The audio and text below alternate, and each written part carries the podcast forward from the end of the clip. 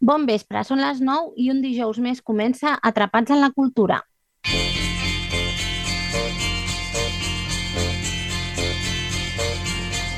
They say we're young and we don't know. We won't find out till we grow. Per en Bill Murray, tots els dies era la mateixa cançoneta. Estava atrapat en el temps. Per nosaltres, tots els dies també són iguals. En Bill el salvava l'Andy McDowell. I a nosaltres, qui ens salvarà? La cultura, els llibres, el cinema, les sèries, l'art, l'oci, la gastronomia. Feu-nos cas i sentiu-vos atrapats amb la cultura, amb la Cristina Guarro i el seu equip. I guess that's so we don't have a plot, but at least I'm sure of all the things we got. Babe, I got you, babe. I got you, babe. I got flowers in the spring. Benvolguts oients de Ràdio Cornellà, tornem a ser una setmana més aquí a casa nostra per explicar-vos un munt de coses culturals i posar-vos al dia de l'agenda de la nostra ciutat. M'agradaria començar el programa d'avui parlant-vos de José Saramago, de qui aquesta setmana es commemora el centenari del seu aniversari. Dic aquesta setmana perquè sembla ser que el seu dia oficial, segons el registre, o sigui, el que queda per l'eternitat, és el dia 18, o sigui, demà divendres, però eh, sembla ser que va haver-hi un error i el dia en què va néixer era el 16. De totes maneres, és aquesta setmana. Eh, per tant, estem en aquest any centenari Saramago, sembla ser, com ens passa sempre eh, en Portugal, que Espanya, el nostre, el nostre país, hi viu d'esquenes aquest meravellós país i la seva meravellosa cultura i sí que m'agradaria doncs, destacar quatre pinzellades al que va ser l'obra de José Saramago. A més, José Saramago era una persona que va viure els últims anys de la seva vida instal·lat a Lanzarote i que sentia doncs, una gran estima i també una gran eh, adherència cultural eh, amb, amb, amb Espanya. I què, què podem dir de les seves obres? Doncs bàsicament les seves obres destaquen per la denúncia dels mals de la societat del seu temps, eh, mm, portant a l'extrem algun dels casos per analitzar, per analitzar què passaria i posar-los en relleu. Sempre hi ha algun protagonista que suposa a deixar-se anar i és aquest una mica l'arquetip del, de l'heroi. I pel que fa al seu estil, doncs és un estil de frases llargues, amb un estil de puntuació mm, ben peculiar. La seva primera novel·la, estem parlant d'inicis de, de la dècada dels 40, eh, va ser Terra de, du Pecado, que no va tenir gaire èxit. La segona, Claraboia, mm, de fet, arran d'aquest escàs èxit, doncs, eh, no va poder ni tan sols publicar-la. I aleshores aquest fet doncs, va provocar que abandonés la literatura durant uns quants anys. Eh, una de les, de les seves obres més més rellevants és, és l'any de la mort de, de Ricardo Reis, en què eh, mm, reprèn un dels heterònims dels personatges de, de Pessoa, després, tenim, després vindria Memorial del Convent, eh, l'Evangeli segons Jesucrist, l'assaig de la ceguesa, i va obtenir mol, moltíssims eh, premis al llarg de la seva de la seva carrera literària, entre ells, òbviament, el Premi Camões, és la màxima distinció de les lletres portugueses, l'any 1995, i el premi més important de tots, el Premi Nobel de Literatura l'any 1998, i segons expliquen les llegendes urbanes, això va provocar que l'altre gran escriptor portuguès contemporani a Saramago, com és el... Ostres, ara, de veritat, que se m'ha anat el, el nom, que malament. El Lou Antunes, disculpeu, doncs eh, proclamés que ja aleshores, com que ja li havien donat a un portuguès, que ell no el rebria mai. No sabem, ja sabeu que les actes del Premi de Nobel doncs, no es publiquen fins com 50 anys després de les deliberacions dels, dels, dels tribunals aquests que fan, o sigui que no sé si algun dia arribarem a saber-ho. Eh, sigui quin sigui, jo de totes maneres eh, us recomano molt la lectura del, del José de Saramago. Jo en concret eh, m'agrada especialment l'any de la mort de Ricardo Reis perquè la figura de Pessoa també doncs, m'apassiona bastant i a l'Oventunes també l'heu de llegir perquè és igualment un extraordinari eh, escriptor. I aleshores vosaltres ja sabeu que nosaltres cada setmana comencem amb l'agenda cultural del nostre municipi i això és el que farem immediatament.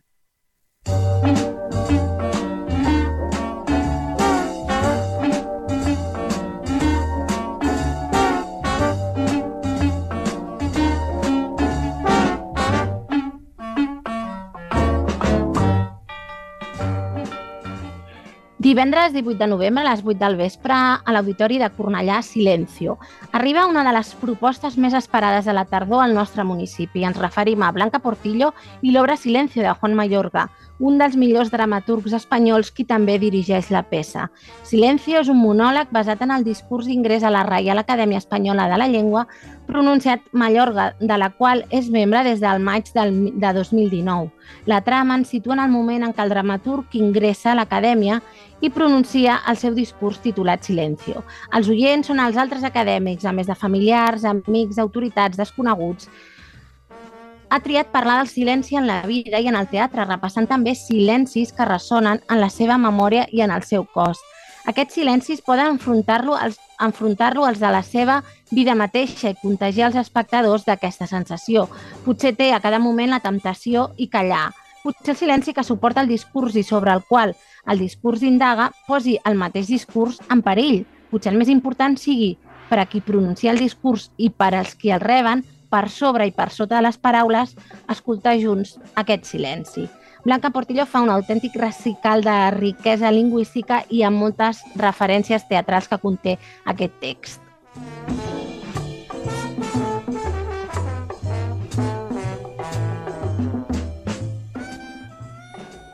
Dissabte, 19 de novembre, a les 12 al migdia, a Biblioteca 3 a Pàmies, al Cargol Aniol. Nova sessió dels dissabtes en família a, a càrrec de la Berta del Poblet. El Cargol Aniol és un conte amb cançons per als més menuts, un espectacle musical de petit formal, format en el qual les famílies poden participar. Com que és molt dormilega, el cargol Aniol no ha vist mai sortir el sol. Avui, però, ha decidit canviar les coses i buscar, i buscar l'ajuda d'animals i bestioles. Voleu saber si ho aconseguirà? Voleu ajudar el cargol Aniol a descobrir el forat d'on surt el sol? El públic, adreçat als més menuts, a infants de 6 a 36 mesos, això sí, acompanyats d'un adult.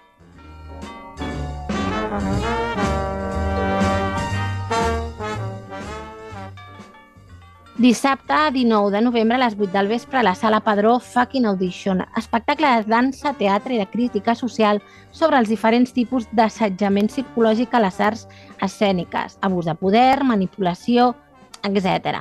És una peça que busca reflexionar sobre què significa exposar-se al món del càsting, el fet de sentir-se jutjat una vegada i una altra. Està inspirada en històries verídiques de testimonis que es van relacionant al llarg de la posada en escena a través dels, dels tres personatges. Dos aspirants disposats a donar-ho tot i un director exigent i narcisista que farà els possibles per complicar aquesta situació, fins a quin punt estan disposats els personatges a deixar de banda els seus valors?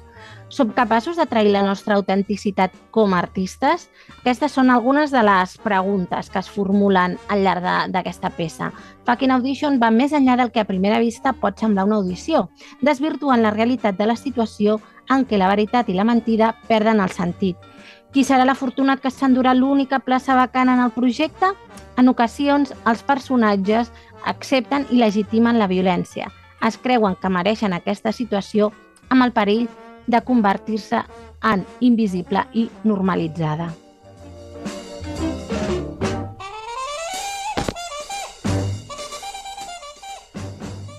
Diumenge, 20 de novembre, a la sala Ramon Romagosa, a les 7 de la tarda, Les bones intencions. Nova proposta del Cornellà Escena amb una producció a la sala Trono de Tarragona. La Míriam Miscla i el Joan Nagrier interpreten la Paula i en Pere, dues persones a les quals les coses mai no els han sortit com esperaven. Un dia es coneixen i després d'una nit d'al·lucinacions decideixen muntar una empresa, una empresa de festes temàtiques personalitzades I avui és la gran nit perquè tenen un client molt important que els pot obrir moltes portes.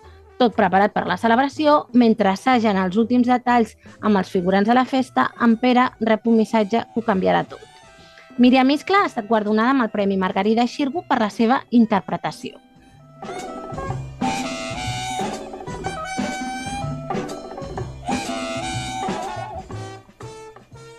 Dimecres 23 de novembre, a quarts de set de la tarda, al City Lab, exposició immersiva del Laboratori Ciutadà. El City Lab fa, fa 15 anys i volen celebrar-ho amb tots vosaltres.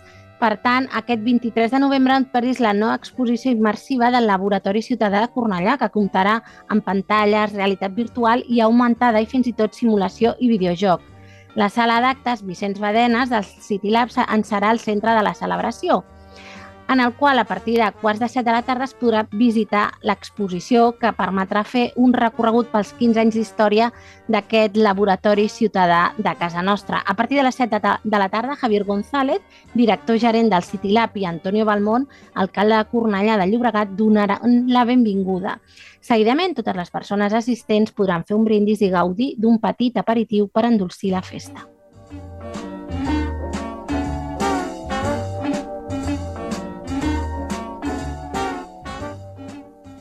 I acabem l'agenda cultural de la setmana parlant d'una nova sessió del Festival de Música de Prop que se celebra del 18 al 26 de novembre. Aquest festival busca promoure i donar visibilitat als grups i als intèrprets de la nostra localitat.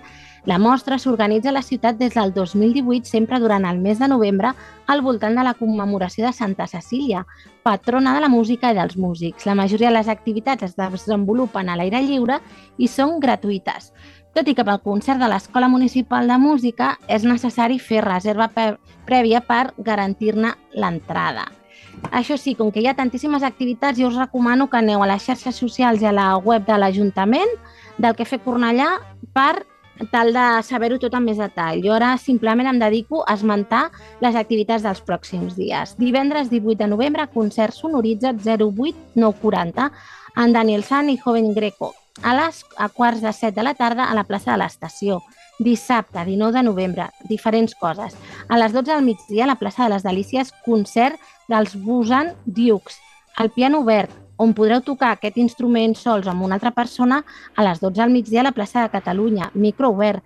Canteu lliurement amb un micròfon professional a partir de les 12 del migdia al Parc de la Ribera. I la Rambla Musical, jocs, tallers, audicions i si porteu el vostre instrument podreu tocar amb la xaranga, serau d'11 del matí a 2 del migdia a la Rambla d'Ensem Claver. Diumenge, 20 de novembre, ludoteca musical amb activitats per tota la família, d'11 del matí a 2 del migdia a la plaça del Pallars. I a la mateixa plaça del Pallars, vermut musical amb els Made in Black a partir de les 12 del migdia dimarts 22 de novembre, concert de Santa Cecília, càrrec de l'Escola Municipal de Música a les 6 de la tarda a l'Auditori de Sant Ildefons. Recordeu, inscripció prèvia a través del correu electrònic e-música arroba aj-cornellà.cat i finalment dimecres 23 de novembre música coral amb la participació de les corals Nova Cornellà, Auria, Cor Nova Tardor de Cornellà i Orfeo Catalònia a les 7 de la tarda al Castell. I amb aquestes activitats hem donat per finalitzada la nostra agenda cultural del, de la setmana, dels pròxims dies. Eh, abans de començar a recordar-vos que les activitats dins de la mostra del còmic de Cornellà les farem a banda durant el programa i començarem amb una cançó de Los Secretos, Déjame, perquè Avui fa 31 anys que es trobava mort el, el cantant de, de la banda, l'Enrique Urquijo, i des d'aquí doncs, un petit homenatge amb una de les millors cançons del pop en espanyol.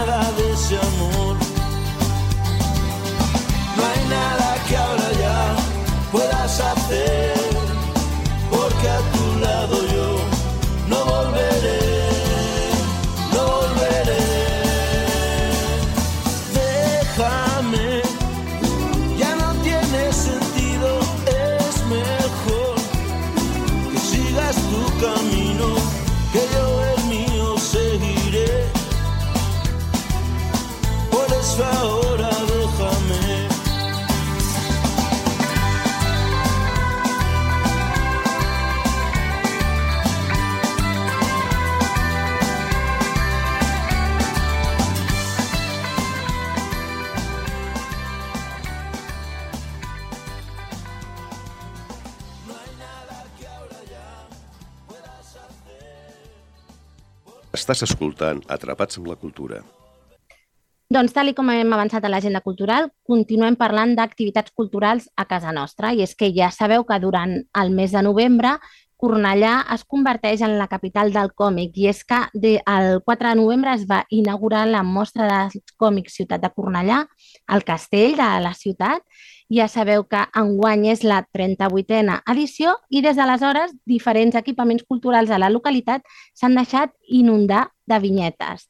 Un d'aquests exemples és, les, és la que podreu veure al Museu Palau Mercader aquest diumenge 20 de novembre, que organitza un taller, un taller L'objectiu de l'activitat és aprendre a dibuixar un còmic tipus fanzine, relatant històries al voltant de les migracions i en relació amb la mostra que el museu acull també aquests dies dins de la programació especial dels còmics a la ciutat. Recordeu, us en vam parlar la setmana passada. Aquesta proposta està recomanada a nens i nenes majors de 6 anys, però cal inscri inscripció prèvia a través de patrimoni reserves arroba aj-cornellà.cat o bé trucant al 93 474 51 35.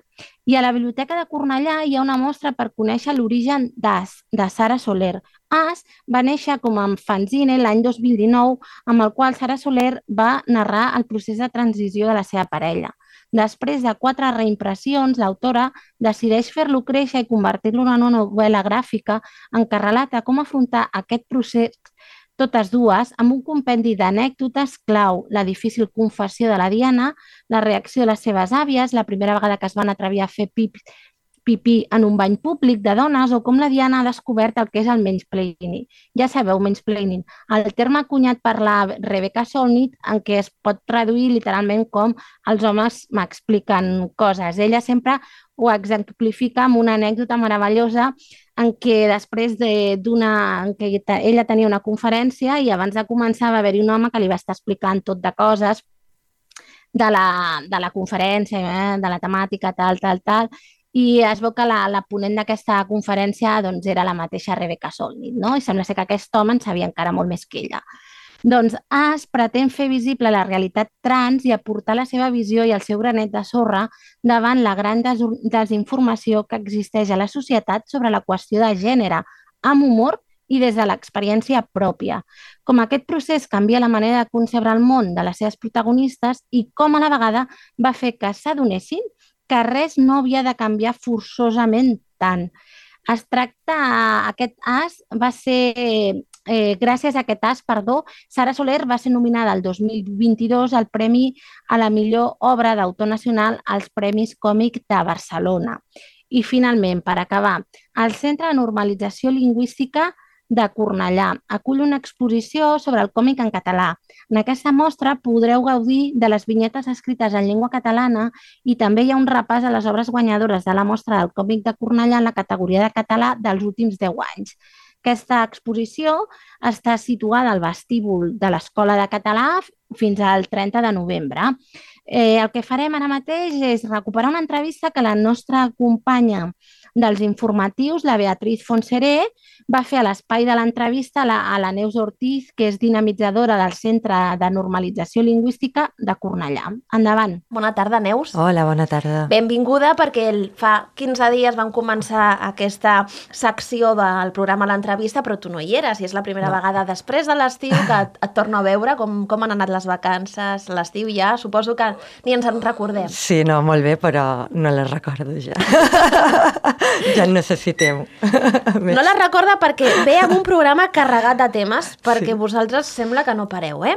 A veure, comencem parlant de les tertúlies virtuals. Què és això de les tertúlies virtuals? Doncs això és uh, una activitat nova que hem organitzat, ben nova al centre, que és una activitat de conversa en grups redu reduïts per practicar el català doncs, eh, en, un, en un format o d'una manera perdó, informal, més col·loquial, perquè la, la gent acaba, acaba d'agafar la fluidesa que li falta. Uh -huh. I bé, és una, és una activitat que començarà la setmana que ve, dia 2 de novembre, fins al 21 de desembre, és a dir, serà cada dimecres, un cop a la setmana, una horeta, de 6 a 7. I bé, i és una activitat que hem organitzat en col·laboració amb la Biblioteca de Fons, Per tant, les sessions eh, seran allà, anirem allà a fer-les. Però són tertúlies virtuals, per tant també es poden fer a distància, no? Sí, bé, eh, el format original era virtual. El que passa que nosaltres aquesta vegada les oferirem presencials. Vale. És a dir, poden venir persones que siguin de, de Cornellà o de fora de Cornellà, però han d'anar físicament aquí. Han d'estar físicament. Sí, eh, el, el, el nom de tertúlies virtuals que teníem ara aquí en el guió és per això, perquè l'activitat se va eh, crear, se va organitzar durant la pandèmia Ahà. en aquest format, format virtual, no? però, però per, perquè la gent doncs, pogués continuar amb el seu dia a dia del català. Nosaltres eh, el, el virtual posa-la en- entre cometes perquè Vale. sí que les oferirem presencials. Més endavant, si funciona, doncs hi ha la possibilitat tant de, tant de fer-les virtuals, que ja tenim aquesta experiència, com eh, presencials, per qui s'ho estimi més. És a dir, Neus, podríem dir que és una prolongació de les parelles lingüístiques que també van néixer a Cornellà, aquesta iniciativa, però en aquest cas, en comptes de parelles, doncs en grups, no? Una mica grups reduïts, això sí, no? Sí, la, la idea és tenir un grup reduït d'unes 10 persones i a diferència de les, de les uh, parelles lingüístiques en què mm, sí, sí que és veritat que les parelles lingüístiques poden quedar més de dues persones, no poden ser grups, però normalment queden un voluntari del voluntariat per la llengua i un aprenent. En aquest cas, les, les tertúlies les conduirà un, un tècnic del centre, mm. diguem, un professor. Un professor. No serà un voluntari eh, que queda amb aquest grup de gent que vol, que vol parlar. De totes maneres, clar, eh, és un professor, però no fem classes. És parlar. Exacte, és parlar, a més a més, eh, el tema de conversa partirà d'un vídeo breu eh, d'un youtuber, d'un influenciador eh, català, val? I, i per tant es, es tracta això, doncs, a partir de, del tema que sorgeixi, doncs, parlar d'una manera eh, distesa, com si estiguessis amb un amic al, al carrer, Mhm. tranquil. Molt bé, doncs aquest tema crec que és una novetat interessant, eh? que, que això ho hauríem de destacar una mica més. Ja en parlarem també a l'informatiu. Sí, vull dir, volia afegir que encara queden places i que si hi ha gent que pugui estar interessada, si ha estat alumne nostre, eh, va adreçat a persones entre un bàsic 3, un elemental 3, si no tenen certificat han de ser, perquè també està obert a gent de, de, de fora del centre, evidentment. Ahà, això t'anava a també a, tothom, preguntar. exacte, eh? No, no només és per alumnes, passa que ha de ser, ha de ser gent que pugui mantenir una conversa eh, sobre temes del dia a dia, temes quotidians, però que necessiti, doncs, eh, això, doncs, La parlar d'una... Exacte. Parlar en català, acostumar-se a parlar en català. Exacte. Bé, doncs suposo que les inscripcions, si encara hi ha places, es poden fer a través de la vostra pàgina web.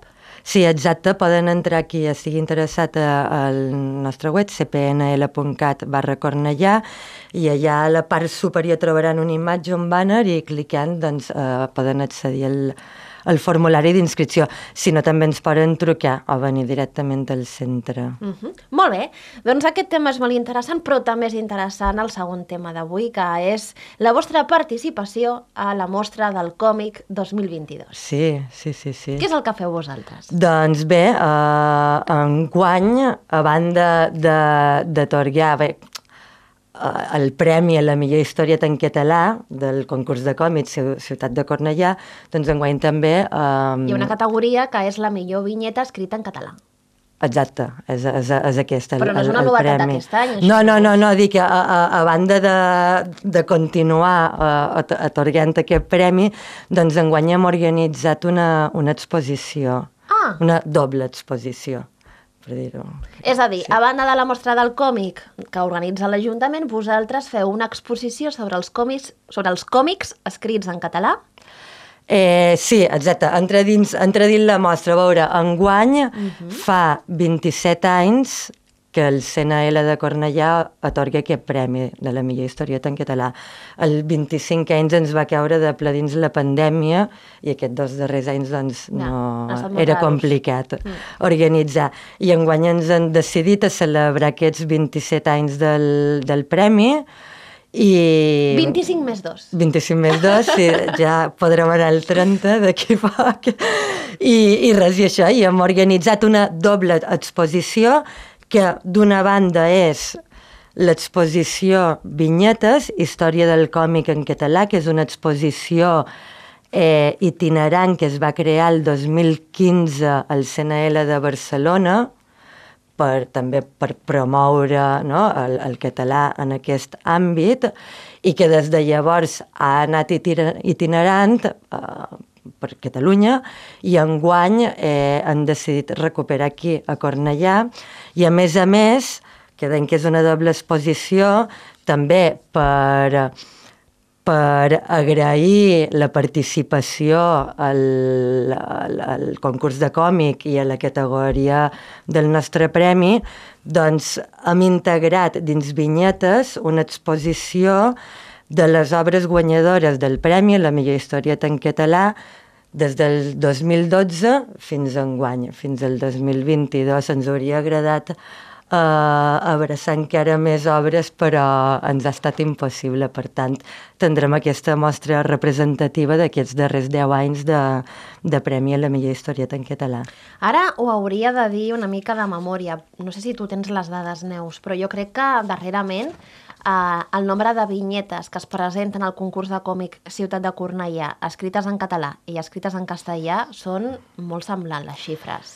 Havien anat augmentant el de, els darrers anys, si ara no, no ho tinc ara del cap tampoc, però el 2018, 2019, mm, no te sabria dir 2017, sí que de cada vegada s'anaven anivellant més. Teníem uns 50, 50... Pràcticament això, Pràcticament. En, enguany eh, em sembla que ja d'entrada s'han presentat menys obres, algunes obretes menys, i sí que hi ha hagut més diferència. No s'han presentat tantes obres en català com ens hauria agradat. De les categories que no, que no poden optar al premi, n'hi ha més, perquè són eh, persones en edat escolar, se promou més des de les escoles i instituts. De les sènior, que són els que poden optar, no n'hi ha hagut eh, nou, nou o deu, sí. Uh -huh. Poquet, però bé, esperem tornar a impulsar i a més a més amb aquesta... Clar, tenint en compte els anys de pandèmia, que també cada vegada el premi és més internacional, això Sí. també varia una mica les dades. Sí, sí, sí, sí. Molt bé, doncs aleshores, Neus, podrem veure, les dades són uh, des del 7 al 30 de novembre, aquesta exposició, on estarà? Uh, a l'aulari del CNL. A la vostra escola. Sí, sí, uh, obrirem el centre perquè vingui gent de fora i perquè ens visitin. Que interessant, m'agrada, m'agrada Sí, això. sí, sí. I, I bé, tenim, sí que oferir, tindrem un horari d'atenció perquè no se'ns acumuli gaire gent, es- esperen tenir molta gent, i això, l'horari de visites serà de dilluns a divendres d'11.32 al matí, Uh -huh. eh, i, i a les tardes de dilluns a dijous de 4 a, a 3 quarts de 7. I eh, si, si hi ha grups interessats, en aquest Escoles. cas, sí, exacte, escoles que també n'estem fent difusió, eh, en aquest cas sí que haurien de contactar amb nosaltres per, per acordar un dia i hora de visita. Molt bé. Molt bé, doncs, tercer tema del programa d'avui uh, seria l'inici del procés d'inscripció. Uh -huh. D'inscripció de què, Neus? d'inscripció, ja que vam el curs, hem començat i ja l'acabem, eh, de- de- d'inscripció de, dels cursos que començaran el gener, el 2023. El que passa que just la setmana que ve, dia 2 de novembre, comença, diguem, el, el, la primera part del procés, que és el termini per demanar proves de col·locació mm. per a totes aquelles persones que no, que, que no saben per quin curs, per quin nivell han de començar, perquè no tenen cap certificat eh, que, que, que acrediti un nivell ni han fet cap curs en nosaltres. Mhm. Estem parlant, per tant, ja del segon trimestre, però encara eh, faltaria seria el mes de desembre, quan començarien les, les dades, no? La, les dates, perdó, d'inscripció. Sí, exacte, eh? tenim que, que és molt important, les proves de col·locació són importants perquè després, si, quan, quan hem entrat ja en inscripcions, ja no se'n fan més, hi ha gent que si no ens pot acreditar el, El nivell. el nivell doncs no se pot inscriure al, al curs que, que voldria fer, que li correspon fer. Per tant, aquestes, aquest termini per sol·licitar proves de col·locació es comença la setmana que ve, dimecres 2 de novembre, i acaba el 2 de desembre. És un mes. Un mes. Hi ha un marge de temps. Sí, vale. sí, sí. Vale. I després ja, després del pont de la Puríssima, ja tindríem les dates d'inscripció del 15 i 16 de desembre pels antics alumnes Sí, per les persones que han fet un curs el darrer 10 anys. i 19 i 20 de desembre pel públic en general. Exacte, exacte. Eh? Els antics alumnes no han de fer anivellament, no? Prova de col·locació. bueno, si continuen els cursos, no cal. No. Però si fa temps que van ser alumnes i ja ho han deixat, sí. A veure, si porten més de, de dos anys sense fer un curs i han perdut, sempre és recomanable fer una prova, perquè així mm, doncs, te permet eh, saber quin és el coneixement real. Val? Eh, però bé, sempre tenim el seu curs, sabem, tenim el seu historial i per tant tampoc, si han mantingut el català, han parlat, han continuat estudiant pel seu compte, no caldria. Bé, estem parlant de les dates d'inici del curs del segon trimestre, dels cursos del segon trimestre. Sembla que encara no hem passat ni la castanyada ni el Nadal, però aquí ja estem parlant del segon trimestre, no passa res. El segon trimestre començaria el 9 i 10 de gener. Sí, bé, el que és més important, jo crec, sobretot perquè no se li passi a ningú, són aquestes dates de prova de col·locació, perquè si no sempre ens trobam que s'acaben les dates, es- ja s'ha acabat el període i hi ha gent que, que no, no ho sabia. I després també, Neus, recordo que vam acabar la temporada passada parlant d'aquesta necessitat que tenen els mestres, els professors i professores, d'acreditar un nivell de català C2. Vosaltres augmenteu aquesta oferta, el Consorci ha augmentat l'oferta de cursos de C2 per la demanda de professorat, i en el cas de Cornellà, quines serien les inscripcions per poder apuntar-se? Val, el, les inscripcions del nivell, del nivell C2 van diferents de les de la resta de nivell. Uh, en aquest cas s'oferien, ara al setembre van començar cursos anuals i també de semestrals que acabaran al febrer. A nosaltres, a Cornellà, el curs que oferim és, és anual. Per tant, en aquest trimestre de semestral no en tindrem que de totes maneres són en modalitat en línia, per tant, tampoc no importa on, on visquis més enllà de saber que fa, se fa l'examen presencialment al lloc on estàs inscrit. Això sí. Però llavors, com que els cursos semestrals acaben al febrer, les inscripcions per al C2 també seran al mes de febrer. Val? Van diferent. Les persones que hi vulguin accedir i tampoc no tinguin un, un certificat per acreditar el C1, de totes maneres han de fer la prova de col·locació dins aquest termini del 2 de novembre al 2 de desembre, però llavors les inscripcions seran ja uh, això, a finals de febrer. Ja ho recordarem, en Sí, aquest cas. Però bé, bé. que no van, a, no van en el mateix període. I abans d'acomiadar aquest programa d'avui, aquesta entrevista d'avui, recordem un acte molt important que teniu demà. Nosaltres ja estàvem Sí. parlant de l'inici del segon trimestre, però vosaltres demà feu l'acte d'inici de curs. Sí, eh? Un poti Qui- poti, quina no? barreja, quina barreja. Bé, demà és un acte important per vosaltres, Sí. perquè és un acte que no es va poder celebrar de manera presencial en els darrers dos cursos. Exacte. Per tant, la darrera vegada que vam tenir curs va ser, si no m'equivoco, el 2020. El 2019, el 2019 vam fer el darrer acte d'inici de curs. Després del 2020-2021 no se n'ha no, no, no, no pogut Clar, és veritat, organitzar. el 2019. Fa I, per anys. tant, demà ho tenim, aquest acte és a l'Auditori de Sant Ildefons, a partir de les 7 del vespre, i què és el que podrem veure en l'acte d'inauguració? Doncs bé, eh, enguany també estem d'aniversaris, celebrem el 20è aniversari del voluntariat per la llengua aquí a Cornellà de Llobregat. I, i per celebrar-ho i per agrair doncs, tota la participació de voluntaris i aprenents d'aquests darrers 20 anys, doncs oferirem, com acte d'inici de curs, un espectacle de màgia eh, contextualitzat en, en, la, en, el, en la campanya Quan parles fan, fas màgia i protagonitzat doncs, per, pel mag Eduard Joanola. I, i bé, i esperem que, que venguin tots els voluntaris, tots els aprenents, tots els alumnes i tothom qui, és una mica més no? que un acte d'inauguració de curs. És una mica... Hem superat dos anys molt, molt, molt difícils d'ensenyar de, de català i ensenyar en general i estem de nou presencialment a l'Auditori de Sant Ildefons sí. a tocar amb el vostre centre sí. i segurament amb moltes ganes rebreu tothom. Ens fa, ens fa molta il·lusió, la veritat, això, eh, que no s'ha pogut fer des del 2019 i poder reunir a tota la gent allà Clar. i a més a més amb un espectacle que, que serà molt, molt divertit, molt xulo. Queda't atrapat amb la cultura. Doncs som ja a la segona part del programa.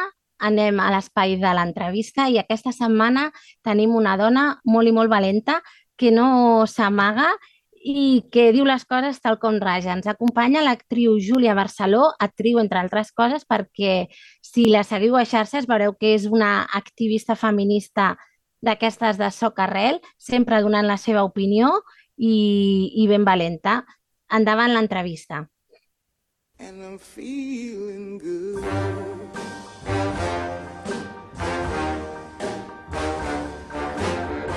L'entrevista.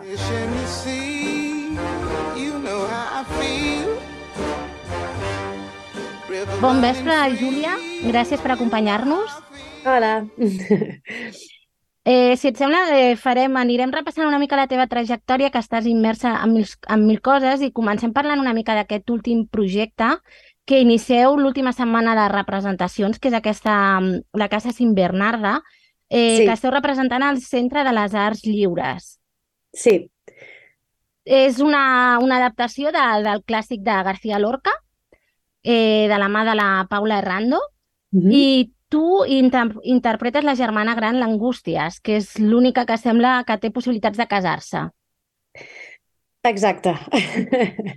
Sí, malauradament estem parlant d'una obra que descriu, descriu molt bé aquest, aquest sistema tan terrible no? que, que, fins i tot encara ara existeix, que sembla que les dones, si no, si no segueixen certes normes socials, no poden tenir una, una vida una mica autònoma, no? I en aquest cas, Angústies, que té gairebé 40 anys, no? com diu l'Orca, que té 39, sembla que és la primera que té l'opció de casar-se, segurament perquè la seva mare li ha donat permís i les altres no, no? I perquè ella té doncs, més diners perquè és d'un altre pare.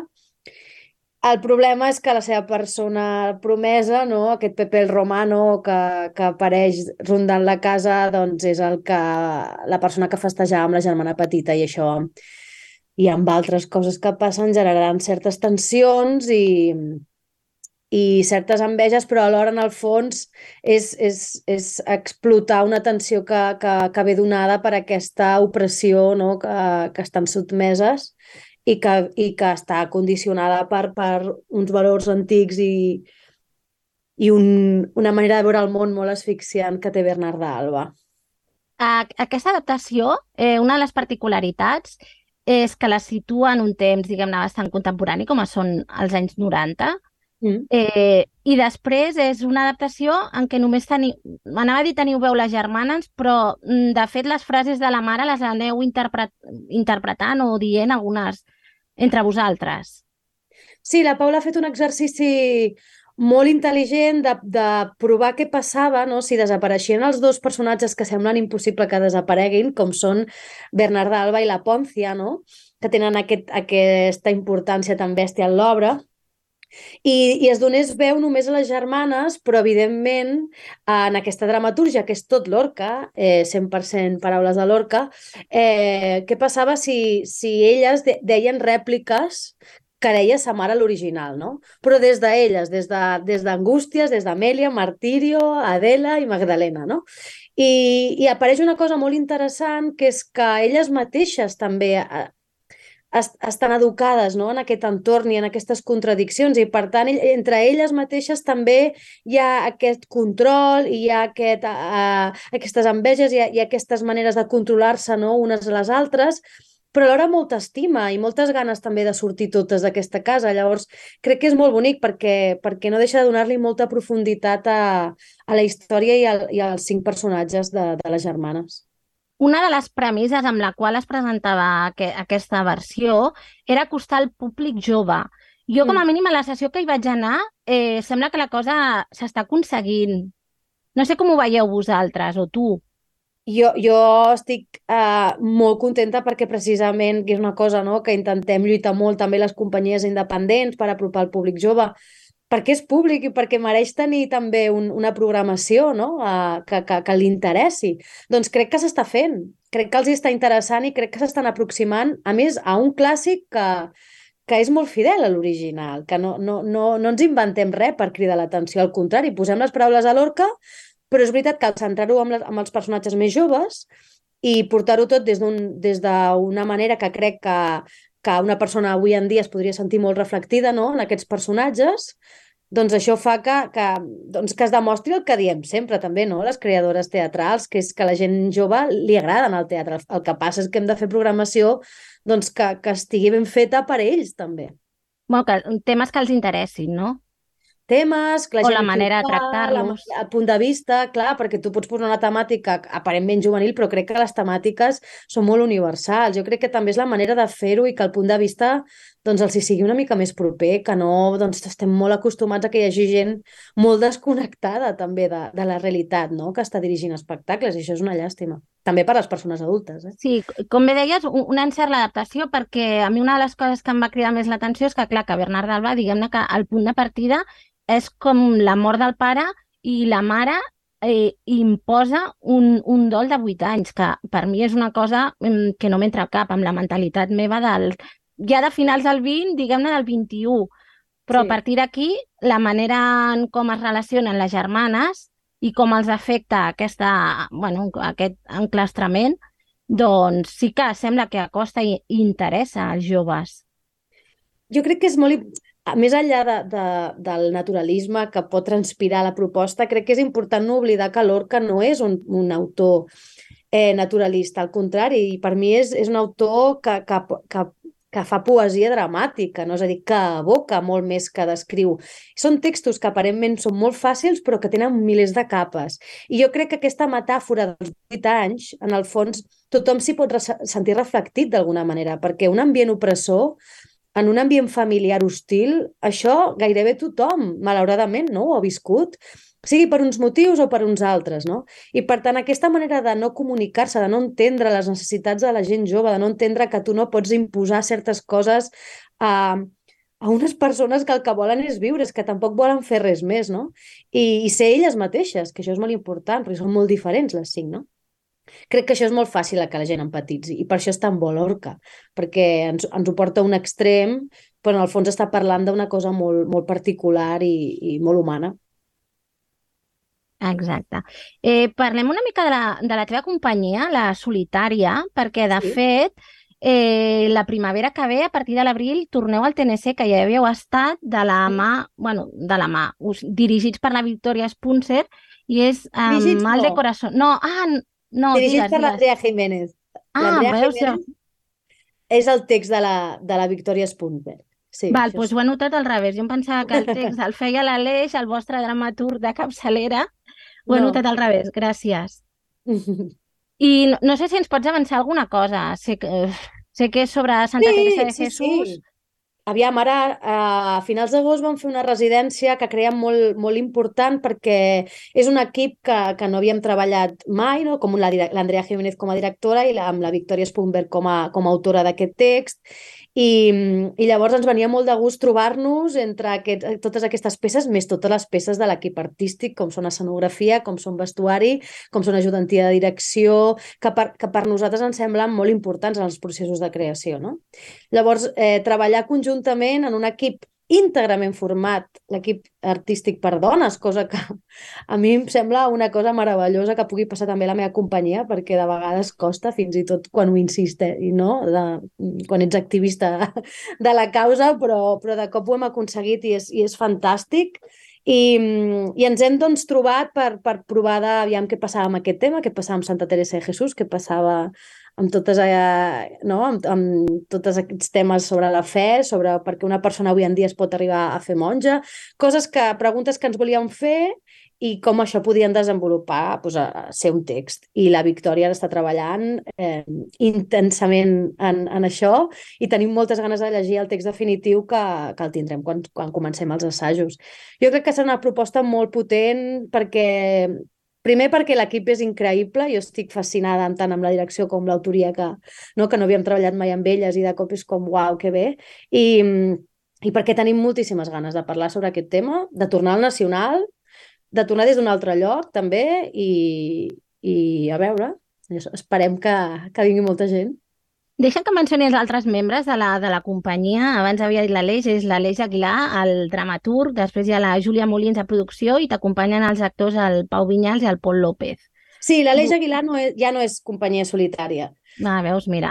Clar, l'Aleix Aguilar uh, és dramaturg i escriu, sí. de fet està estrenant el, el, havia estat a, a, el dramaturg de la companyia fins ara, però ara ja ha fet el seu camí en solitari, com una banda de rock.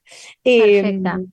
I llavors hem, ens ha vingut molt de gust també provar doncs, altres veus de dramatúrgia i mira, ha aparegut la Victòria que li vam demanar i està molt, molt, molt compromès amb el que estem fent.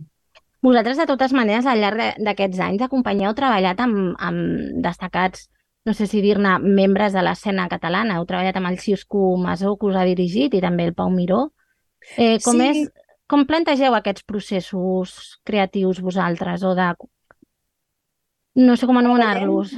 Sí, tra treballem una mica a partir del que ens ve de gust treballar, perquè no ens imposem calendaris eh, de termini molt curt, al contrari, sempre és des de la calma i des del que tothom estigui disposat a fer-ho i que tingui temps per fer-ho. I a partir de la temàtica, del que ens vingui de gust provar del format, doncs decidim un equip o un altre. En el cas del Xico Masó va ser molt bonic perquè va ser ell qui ens ho va proposar, Uh -huh. qui va venir a nosaltres i, i ens va semblar una idea fantàstica perquè el Xico l'admirem moltíssim i vam, vam fer un, una feina molt bonica amb Orsini i a més ens agrada molt també poder treballar realment des d'una eh, barreja de, de generacions que creiem que és indispensable, no? I, i en aquest cas doncs, va funcionar molt bé. Ara amb la Victòria amb l'Andrea també ens ve de gust. Doncs, L'Andrea un- té una companyia de teatre a Madrid des dels processos de creació, eh, des de l'autoficció, que- un teatre molt físic, que també ens venia de gust provar, que la Carme Portacelli fins i tot va ser ella que ens va dir per què no proveu aquesta companyia, no? Vull dir que de vegades et sorprèn eh, de cop et, et- se't genera un equip que dius, uau, havia de ser aquest equip, no? Quan, quan tu pots prendre amb, amb una mica de calma. Bé, entenc que és una mica anar, anar teixint llaços, no? Sí, diferent. total, i, i cada obra té les seves necessitats i, i també que ens ve molt de gust provar amb, de treballar amb gent, amb gent diferent, no? I que cada projecte intentem doncs, portar molta més gent a l'equip. El problema sempre és el pressupost. A nosaltres ens encantaria treballar amb molts més actors, amb, no? així com hi havia la Míriam Alemany, on han aparegut altres actors durant els processos, Mm, però de cop és com és que no, no hi ha més diners i això és, això és molt trist perquè, perquè realment ens agradaria treballar amb equips molt més grans i poder donar molta més feina no? a, a d'altra gent. Però, és el Però bé, en, en el vostre cas, heu representat el lliure i el TNC, que, no, que per companyies joves, bueno, deixem el terme jove, a veure, perquè ja estem fregant els 40, no? Exacte. Eh, o sigui, sí, joves sí, però clar, en comparació amb què? Home, però- jo penso que companyia solitària que, que té 10 anys de, de, de... 10 anys, és que es diu aviat, Sí, però sí. són molts anys de professió i, i cada cop encara ens haguem d'agrair estar actuant als teatres públics de Catalunya quan hauria de ser la normalitat més absoluta, no? Més trist perquè, perquè per una banda acceptes que és un privilegi, perquè hi ha molta gent que no ho ha pogut fer, però per altra banda és tristíssim que hagi d'acceptar això com a una cosa que no és excepcional, no? Quan, quan crec que els teatres públics, especialment, i les institucions públiques haurien de, de vetllar molt més perquè les companyies, que som realment el motor que, que genera la programació eh, del teatre català, eh, no estiguem molt més ben tractades i això vol dir molt més ben pagades. Eh, sí, ho engloba tot. Uh, aquí dins de la, de la precarietat del, del sector cultural ja veig que tu més o menys es podria dir que et pots guanyar la vida com a, com, bueno, no sé si com a actriu o com a professional de les arts escèniques, perquè com tants altres eh, companys de professió, tu fas classes, en el teu cas d'addicció. Sí, jo, jo ho dic i ho dic sempre, eh? jo íntegrament de l'actuació no puc treballar, ni íntegrament de dirigir. Eh, és un gran gruix de, de la feina que faig durant l'any, cosa que és molt difícil i mira, he aconseguit fer-ho i estic molt contenta, però és duríssim perquè ningú t'assegura res i he de treballar de moltes altres coses per arribar a pagar lloguer cada mes. Vull dir, fins i tot una persona com jo que des de fora pot semblar que, que és de les que treballa i que està activa, eh, tenim sous molt precaris i, i en absolut visc en una situació privilegiada econòmicament. Per tant, imagina't com està la resta, no? Enllaçant amb això d'addicció, hi ha una de les coses del teu currículum que em crida més l'atenció és que es pot ser assessora en vers. Tu, de fet, has fet formació del teatre, de teatre del segle d'or espanyol, que, de fet, no sé si coincideix amb el temps dels dos anys que vas formar part de la Companyia Nacional de, sí, no? de teatre clàssic. És. Sí, sí, sí.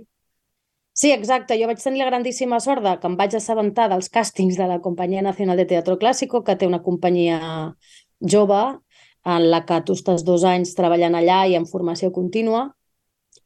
Eh, vaig fer els càstings, vaig entrar i, i per mi va ser una segona escola increïble, perquè clar, em vaig poder formar de manera molt exhaustiva amb un tipus de teatre molt concret i, i especialment jo, que sóc una persona formada en text i que m'apassiona, doncs ho he portat molt també no? doncs, a les meves classes, soc professora de dicció castellana també a l'Institut del Teatre, eh, faig dicció catalana també, eh, faig molta expressió oral, perquè és una de les meves grans passions, no? de, de com, com, com podem transmetre a partir de, de la textualitat i de l'oralitat. Però, però això, jo vaig tenir la sort d'entrar en una companyia pública eh, perquè si, i, i és de les poques que hi ha, per no dir l'única companyia pública, no? que hi ha tot l'estat espanyol. I, i to- torno a dir, tant de bo n'hi hagués moltes més. Eh, un- fa tot just un any vas publicar un llibre, l'Operació Bikini, que això va una mica amb el teva, no sé si és la teva personalitat més, més social, pel, pel que expliques les xarxes socials, eh, que és la teva, el teu activisme. Bueno, és, eh, et declares feminista, però després el, aquest llibre, l'Operació Bikini, doncs és una mica, ens introdueix en conceptes com grassofòbia, la pressió estètica, cultura de la dieta, de la, de la dieta, tots aquests termes. Com va sorgir aquest llibre? Bé, pareix una mica uh, perquè jo, a part des de l'activisme feminista, uh, també m'interesso per l'alliberament corporal, que està íntima- íntimament lligat amb el feminisme, no?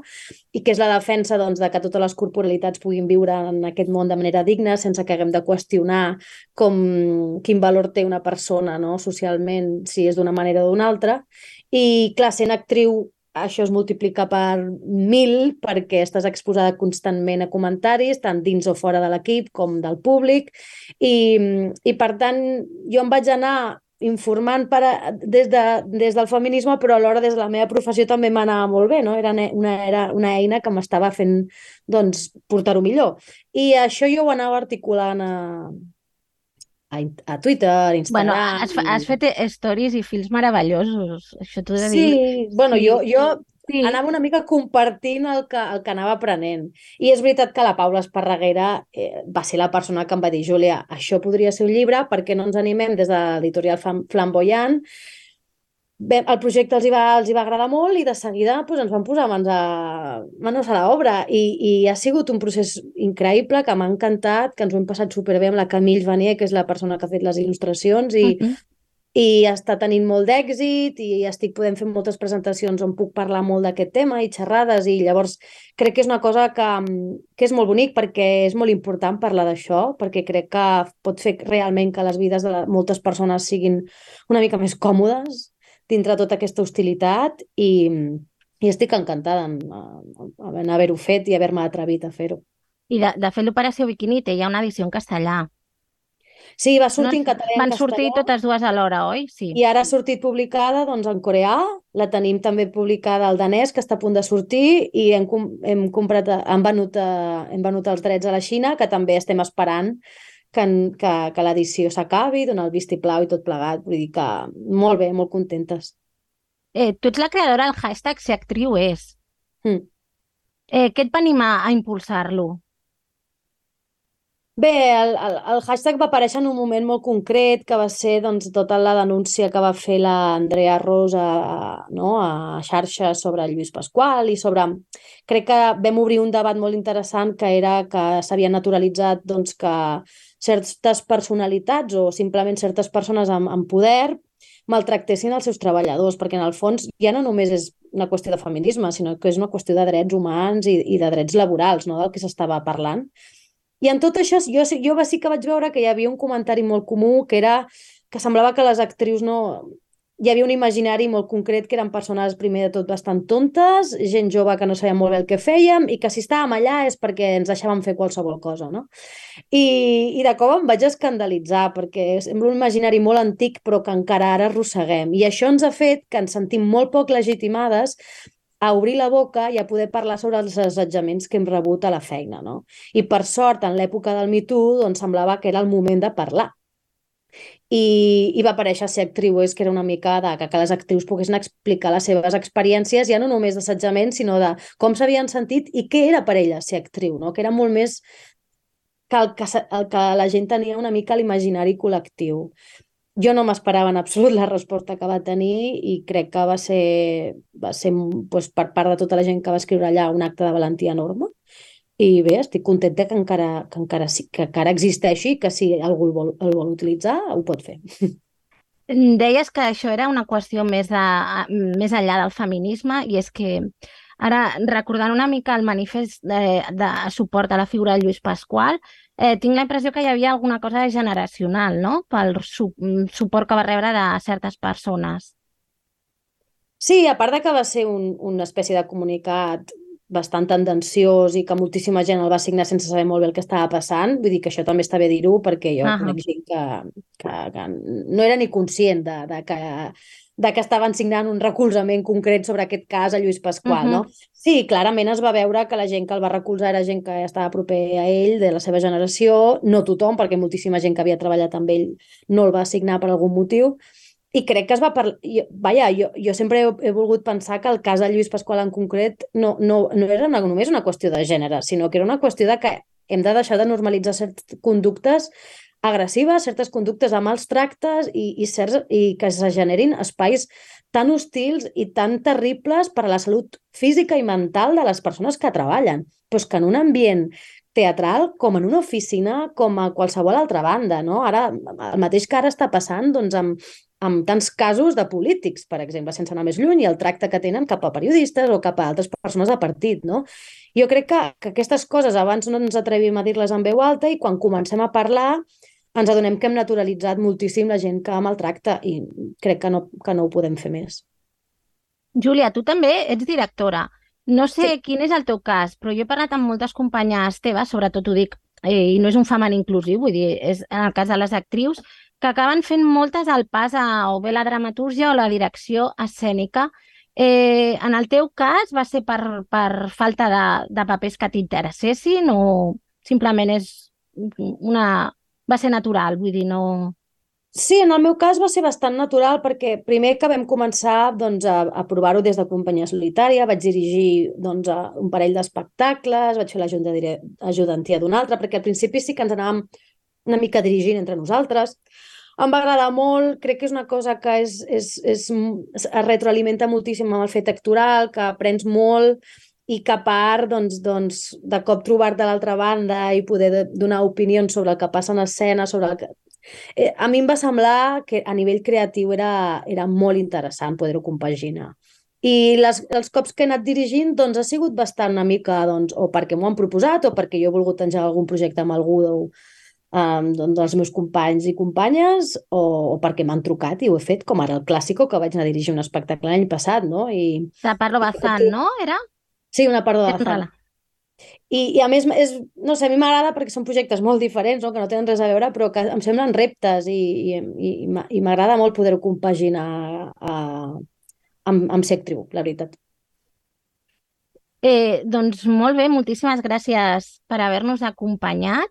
Doncs que esperem que continuïs treballant molt i que, que, que et continuem veient als escenaris o, o a través de xarxes, que continuïs gràcies. activa. Gràcies, gràcies. Moltes gràcies per l'entrevista. Ha estat un No, plaer. no, a tu. A, per reveure.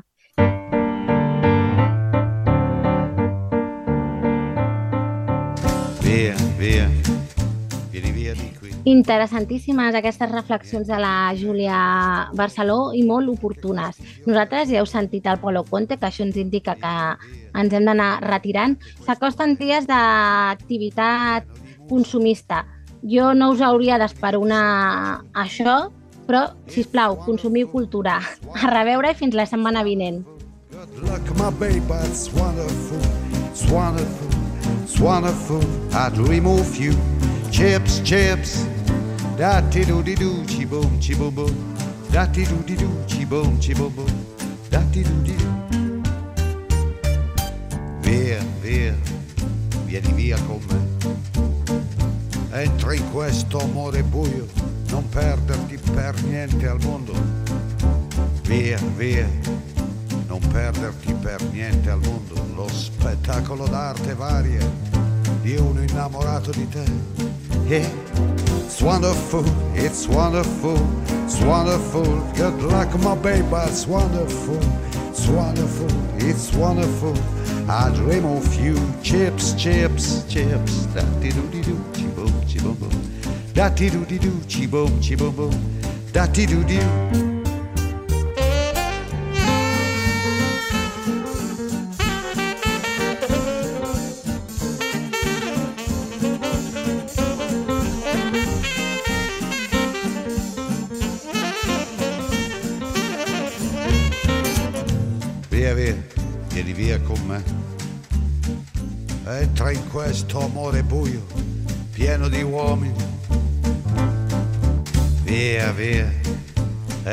Fatti un bagno caldo.